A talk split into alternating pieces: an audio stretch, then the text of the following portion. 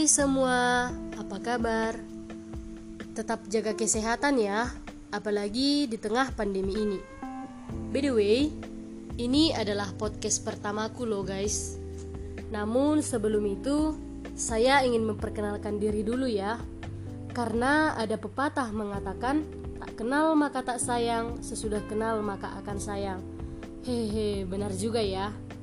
Kenalin, namaku Nunut Epesianturi biasa dipanggil Nunut. Saya seorang mahasiswa di Universitas Munawarman, Fakultas Kehutanan, jurusan Kehutanan, angkatan 2019. Salam kenal ya, teman-teman semua. Nah, kali ini aku akan bincang-bincang atau sharing tentang seorang tokoh Alkitab yang mungkin kita sering dengar, yaitu tokoh Alkitab Esau. Esau adalah anak tertua dari Ishak dan Ribka. Esau adalah menantu dari Ismail. Esau memiliki saudara kembar yang bernama Yakub. Ciri tubuh Esau dan sifat Esau sangatlah berbeda jauh dengan adiknya. Esau memiliki kulit yang berbulu lebat dan suka memburu. Sebaliknya, adik kembar Esau justru berkulit bersih dan lebih suka tinggal di rumah seperti memasak dengan ibunya daripada berburu seperti Esau. Sebagai anak sulung, Esau mempunyai hak kesulungan. Tetapi Yakub menukar hak kesulungan Esau dengan masakan yang telah dibuat oleh Yakub. Kita pasti tahu bahwa kisah Esau yang menjual hak kesulungannya kepada saudara kembarnya Yakub ada di Kejadian 25 ayat 30 sampai 34. Cerita ini memang menarik sih bahwa Esau memandang ringan hak kesulungan itu dengan Esau dengan mudahnya menukarkan hak kesulungan dengan roti dan kacang merah untuk dia makan dan dia minum karena dia sedang lapar. Bukan cuma itu. Ketika ayahnya Ishak sudah tua, dan tidak dapat melihat lagi, ayahnya memanggil Esau, anak sulungnya itu, dan memerintahkan Esau untuk berburu seekor binatang dengan busurnya dan mengolahnya menjadi makanan untuk ayahnya dapat memakannya dan supaya ayahnya memberkati Esau. Tetapi ibunya Ribka mendengarkan hal itu. Dan ibunya Ribka menyampaikan itu kepada anaknya Yakub dan menyuruh Yakub untuk pergi mengambil kambing domba dan mengolahnya menjadi makanan agar ayahnya memakannya dan memberkati Yakub dan supaya Yakub yang mendapatkan berkat itu.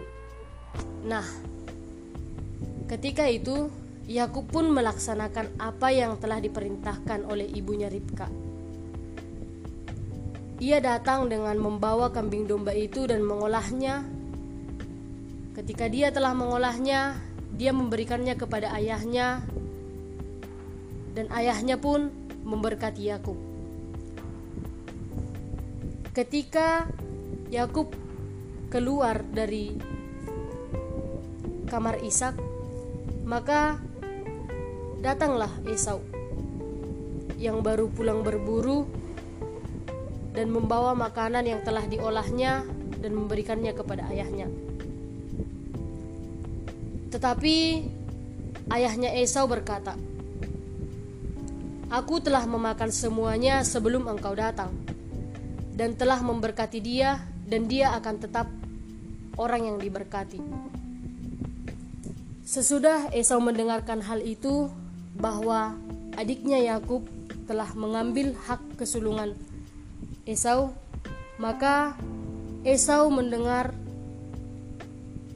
hal itu dan dia pun meraung-raung dengan keras dan kepedihanlah hatinya dan dia berkata kepada ayahnya, "Apakah aku tidak mendapatkan berkat lagi?" Dari situ Esau memiliki dendam terhadap adiknya Yakub karena Yakub telah mengambil hak kesulungan Esau. Dan kita dapat menyimpulkan dari tokoh ini